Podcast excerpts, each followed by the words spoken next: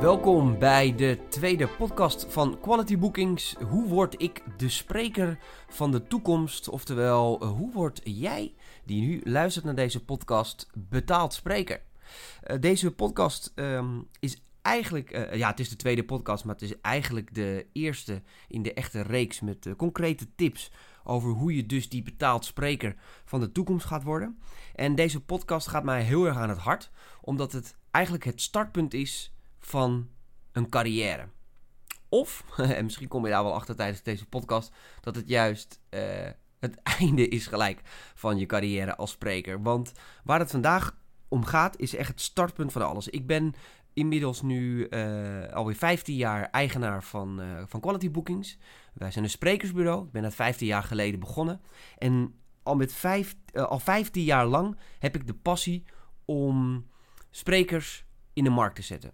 Merken te bouwen van sprekers. En ik heb in de afgelopen 15 jaar onwijs veel sprekers bij mij in mijn kantoor in een stoel gehad. Die met een bepaalde vraagstelling bij mij binnenkwamen. En eigenlijk 9 van de 10 keer kwam het er toch wel op neer van... Goh Robert, help mij. Ik wil uh, betaald spreker worden. Uh, help mij. Hoe ga, ik, uh, hoe ga ik dat aanpakken? Ja, eigenlijk de enige vraag die ik iedereen altijd stel... die bij mij in de stoel komt te zitten... of ze nou bekend zijn of onbekend... Waarom wil je spreker worden? En dat klinkt misschien een beetje flauw... Maar de reden waarom ik dat vraag is omdat het antwoord wat ze op dat moment geven voor mij doorslaggevend is of ik met diegene wil werken, ja of nee. Ik zal me uitleggen.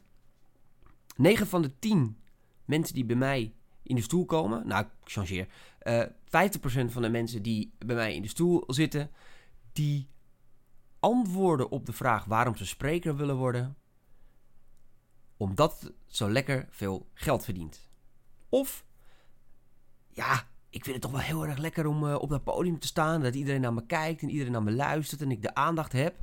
Of, nou ja, ik uh, vertel nog wel eens een, een, een, verhaal in de familiekring. Op een verjaardag of op een feestje. En mijn tante die zegt altijd van, goh, wat kan jij toch goed spreken. Dus ik dacht, nou, misschien kan ik daar mijn werk wel van maken. Nou, je begrijpt het al. Deze drie antwoorden zijn voor mij geen startpunt om met iemand aan het werk te gaan. En het zal je misschien verbazen dat zelfs bekende mensen, oftewel mensen die vaak op tv zijn of in de media zijn, zelfs die heb ik wel eens in mijn stoel zitten. En die heb ik gevraagd, maar waarom wil je dan zo graag het sprekersvak in? En dan toch antwoorden ze, ja, dat snappelt zo lekker bij.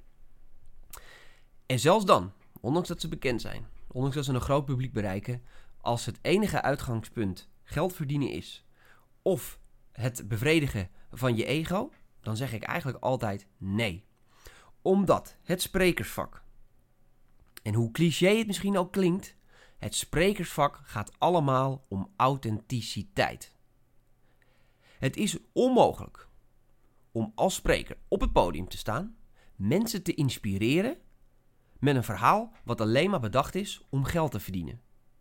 Om je ego te pleasen. Of omdat je tante zegt dat je zo ontzettend leuk een verhaal kan vertellen.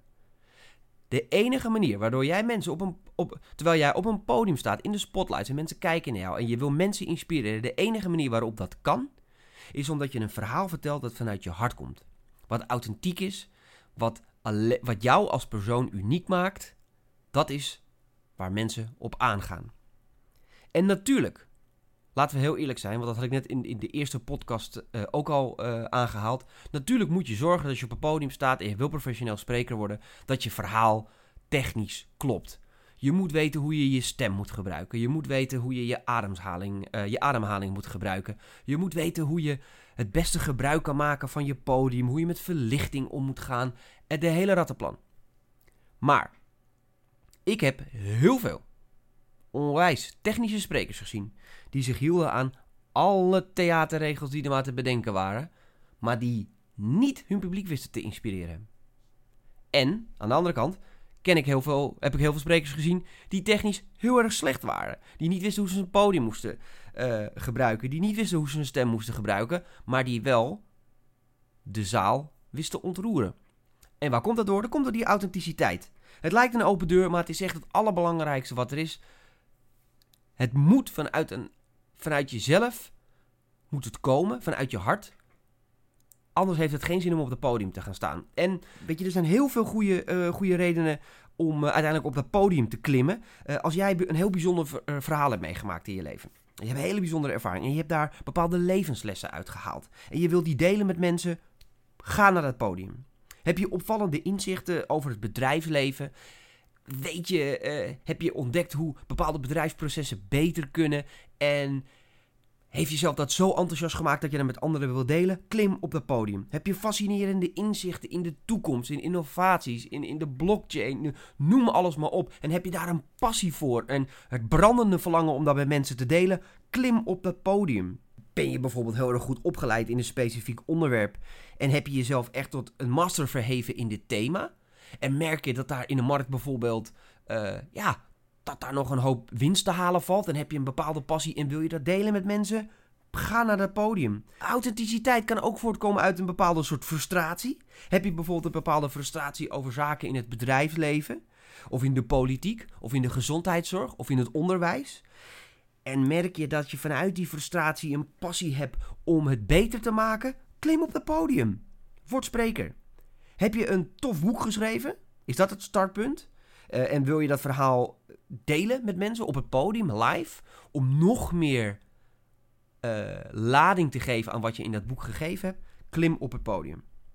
Nou ja, zoals je al begrijpt, uh, een hele hoop redenen om wel het podium op te klimmen. Eigenlijk maar drie redenen om dat vooral niet te willen. En dat is, ik herhaal nog één keer, als je het doet voor het geld, als je het doet voor de roem, of als je het doet omdat iedereen zegt dat je zo'n leuke verhaal kan vertellen.